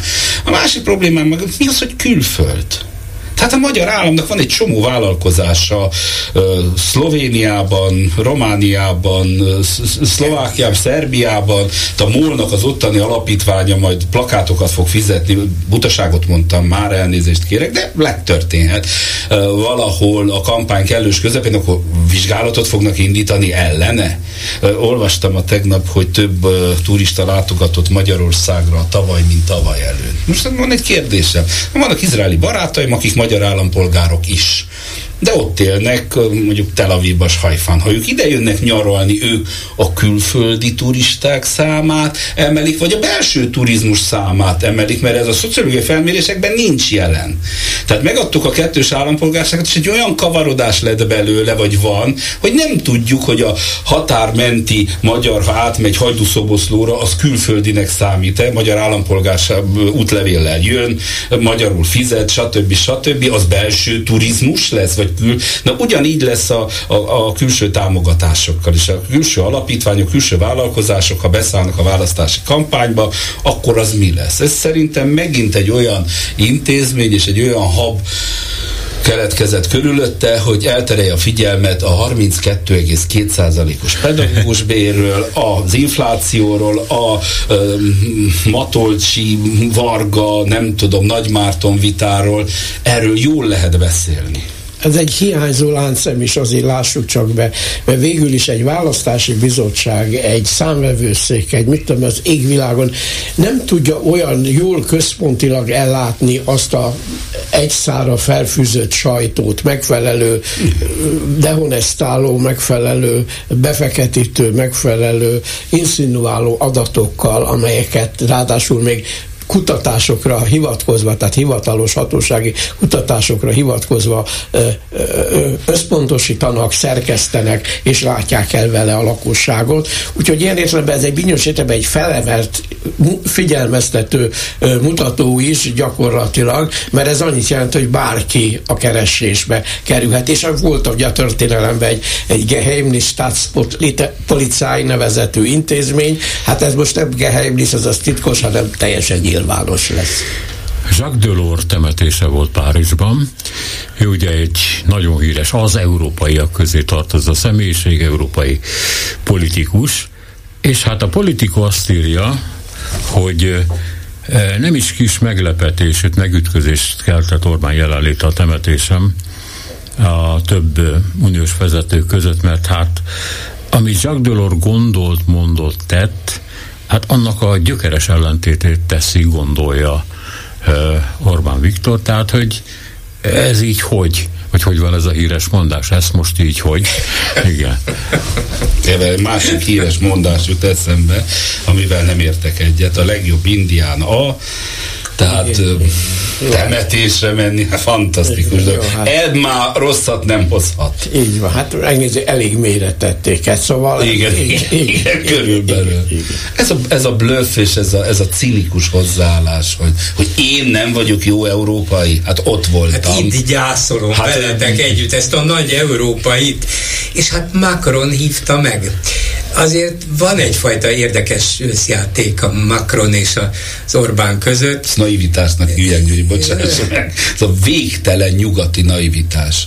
Ahogy, ahogy amikor az Európai Uniót is összegründolták, meg sem fordult a fejébe valakinek, hogy aki oda megy, nem úgy akar viselkedni. De Attila, ez nem, nem, nem hiszem, nem. hogy ez naivitás lenne. Ez a, ez a Macronnak a, a hatalmi igényei az unión belül. Tehát, hogy ő elsőrendű emberként kezeli magát, aki szervezi, vagy újjá szervezi az uniót, és gyűjtöget maga köré még elviselhetetlen alapokat Én azt is el tudom képzelni, hogy ugye ez a december végi csúcs, a, a kávézós, kisonfordálós csúcs, ez ott hagyott egy csomó függőben lévő kérdés, szóval nincs eldöntve még, hogy akkor hogyan folytassák, milyen keretekben Ukrajna támogatását, és szerintem miután legkésőbb február elején összeül egy újabb csúcsértekezlet, Macron ezt az alkalmat fel akarta használni arra, hogy kedves Viktor, lehet, hogy ez csak 5 percig tartott. Viktor, hát látod, itt az Európai Bizottság átutalt nektek kétszer is egymás után nem kevés pénzt, felszabadítottuk a befagyasztott források egy részét, nem kis részben nekem, köszönhetően, kedves Viktor, hát ugye te is tudnál valamivel viszonozni, például egy ilyen vagy olyan megoldás neked megfelel, kedves elnök úr, Monserami, Emmanuel, megnézem. Ezt mondani, ez igen, jól hangzik. Igen, igen. Szóval... Nem, nem azt mondta, hogy je, je, je, ne, non. Ne nézzük hülyénök Mon petit, egy szokták azt is mondani, férfiak egymásnak, hogy mon petit. Igen. Szóval lehet, hogy, hogy ilyen egyezkedés folyik, ez egy alkalom volt arra, hogy akár néhány percben megbeszéljük, hogy ezt javaslom, elfogadod? Igen, szólok, vagy ez nekem jónak látszik, egyeztessünk. Szerintem valami kell, mert ha február elején Orbán továbbra is azt mondja, hogy nem, és az Európai Uniós tagországok azt mondják, hogy nekünk mindenképpen támogatnunk kell Ukrajnát, össze kell dobnunk a pénzt, de ha a magyarok tiltakoznak, akkor más módon, ez többe fog nekünk kerülni, és látványosan bizonyítja, hogy az Unió szétesőben van, na az Macronnak sem jó. Egy utolsó kérdést teszek föl. Szörnyű itt a végén, mindig a csendőrszerep jut a műsorvezetőre, úgyhogy én most belőletek csinálok kicsi csendőrkéket, és megmondom, hogy van nekünk, azt mondja, hogy 6-8 percünk, mindenkire jut kettő, tessék a saját csendőrmentalitásával ezt megoldani, beosztani. A kérdés pedig a következő.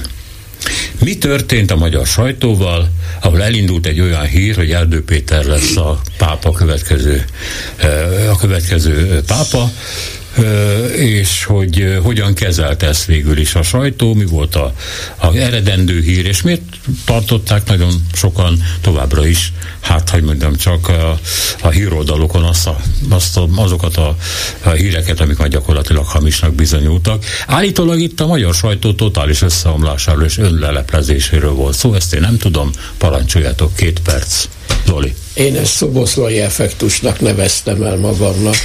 Ez pontosan ugyanúgy ez, a, ez az állandó magyar csodavárás, hogy a magyar ember mi mindent képes elérni. Itt van ez a biztosan tehetséges futbalista, én olyan csodákat még nem láttam tőle, amitől se pedig elég régen járok futballmérkőzésre, és ahogy ezt az embert hype itten a magyar sajtóban jobb és bal és fönn és lenn és mindenhol. Ez pontosan ugyanaz, és ugyanaz, ahogy a, ahogy a igen, egyébként igen tiszteletre méltó Nobel-díjasainkkal bánnak, már idézőjelben, mert, mert az is hogy mondjam, nem az érdemükön, hanem a, a, a, a, a, a dicsőítés, igen, igen, a dicsőítésükön, elfeledve mindazokat a momentumokat, amik miatt nem itt szerezték ezeket a Nobel-díjakat, és folytathatnám. Tehát egyszerűen a, a, a magyar sajtónak, minthogyha egy ilyen állandó befogadó képessége lenne az ilyen csod, magyar csodák, magyar dicsőségnek a, a hangoztatásán, és abban a pillanatban a lehetőség megadódik, elvesztik az eszüket, és már így ami eszükbe jut. Attila, két perc. Én azt hiszem, hogy ez benne van a levegőbe, hogy a Rákosi korszakban is benne volt a levegőbe az angol-magyar mérkőzés, hogy, hogy várunk egy csodát mindig, és, és a legkisebbre ráugrunk, és azt mondjuk, igen, megvalósítottuk, mert, mert őrületes a hiány bennünk, nem, nem érezzük jól magunkat, nem vagyunk a vizeinkbe, megnézzük a BBC-től kezdve a CNN-ig, soha nem jön szóba, csak negatív értelemben mondjuk Magyarország, de kulturálisan is. Valahol lemaradtunk, és akkor, akkor mindent ráöntünk egy ilyen félinformációra. Kettő, a sajtó egy része, és itt nincs jobb baloldal, azt hiszi, hogy ha gyors vagyok és nagyot mondok, akkor én egy megbízható sajtó vagyok. Tehát olyan, hogy mondja, a BBC száz éve mondja azt, hogy két-három forrásból leellenőrzem, fejlőbök egy szakértők, nem baj, egy fél órával később megy ki. Négy meg eszembe jut, vagy három, a Bolgár György, aki három hete itt ebben a stúdióban azt mondta, tehát vannak még médiák, amik megbízhatóak, például az ATV, és utána rá egy hétre bejött. Ez Ezt mondtam volna, igen, igen, igen, hogy igen, megbízható. Hát a, ellenzéki, valami, valamilyen, Hát a- valamilyen mint ellenzéki. pozitív, pozitívként volt itt emlegetve. Annyi, annyiban, hogy, hogy ott az ellenzék megszólaltatható. Hát, Sőt, őket szólaltatják meg elsősorban. Azt nem mondtam, hogy megbízható. Jó, jó, csak jó, annyit, igen, hogy- igen, így mondtad, így mondtad, hogy de, inkább az ellenzékhez- hogy pont ott, Igen, igen. ott jött ki ez a, ez a botrány, és nem láttam, igaz nem nézem az ATV-t, hogy, vagy ATV-t, hogy azt mondták volna, elnézést kérünk, butaságot mondtunk. És Ez a, ez a portájukon jelent meg. Hát nem, az a ATV főhírbe akarom látni, hogy beülök, Na, ez azt most már mellé megy gyerekek, jó? A TV.hu. Nem mellé, mert fontos, hogy honnan indult. Fontos. Az atv.hu-ról, és nem egy egyszerű mm, hír három mondatban, hogy kérem szépen egy olasz portál azt állítja, hogy, hanem az ATV egyik közismert régi újságírójának a hosszú, alaposnak szánt cikke amiben egy ilyen szakértő, vatikán szakértő lapnak minősítik ezt az olasz turisztikai, Turisztikai portált, amelyik valóban foglalkozott a pápa választási vagy pápa utózási esélyekkel, és ott elsőként felsorolják a nyolc lehetséges közül Erdő Péter, de mint kiderül, Névsor szerint. névsor szerint. De mindez a cikkből nem igazán derül ki, az egész úgy van földobva és olyan terjedelemben, nekem az a benyomásom, hogy nem lehet olyan tapasztalatlan az az újságíró, aki ezt írta, nem mondom meg a nevét, hogy ez csak úgy hirtelen rá kattintott volna, és azt mondja, hogy hm, de érdekes, megírom pár mondatban, ezt valakiktől kapták. Hát de minek? Hát öt perc múlva jön a Mert- lebukás. De sokáig nem jött a lebukás. Egészen addig, amíg a Telex észre nem vette, hogy, vette, hogy milyen vatikáni szakértő lap, hogy miről van szó, hanem egy, egy egészen más, lehet, hogy a Vatikánnal foglalkozó újságíró éppen szabad idejében oda eleheztett egy cikket. Szóval a lényeg az, hogy ez elindult úgy, feltételezésem szerint azért, hogy dobják be a köztudatba. Kinek lehet ez az érdeke? Erdő Péternek, hát elvileg igen, de szerintem ő ilyennel nem foglalkozik. Ő a propaganda megszervezésével nem foglalkozik, de kinek jöhet jól, hogy napirenden tartsa, hogy hát Ferenc pápa után akivel mi most azért jóban vagyunk, bár demens ember volt korábban, de még jóban vagy most, igen, meggyógyult, igen. Utána viszont jöhet egy magyar pápa. Kinek szolgálja ez az érdekét? Hát annak, aki a kereszténység egyetlen őszinte védelmezője Európában. egész Európában.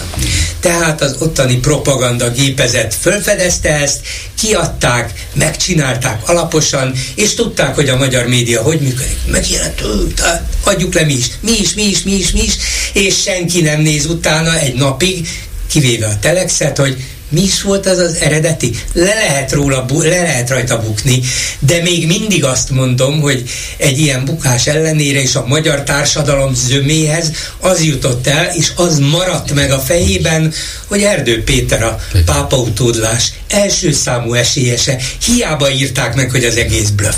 És lehet, hogy is így cseszték el az egészet. De, de a külföldi bíborosok, akik választanak, ezt nem olvassák őket, ez nem érdekli. Ez itthon propaganda célokat szolgál. Ennyi volt. Hát uraim, köszönöm szépen. Köszönöm szépen Horváth Zoltának, Gáspári Katilának, Bolgár Györgynek, és itt a műsor vége. Horváth Ádám, Józsa Márta és Szénási Sándor köszönő a figyelmüket. Minden jót! A hetes stúdiót a Klubrádió közéleti politikai magazinját hallották.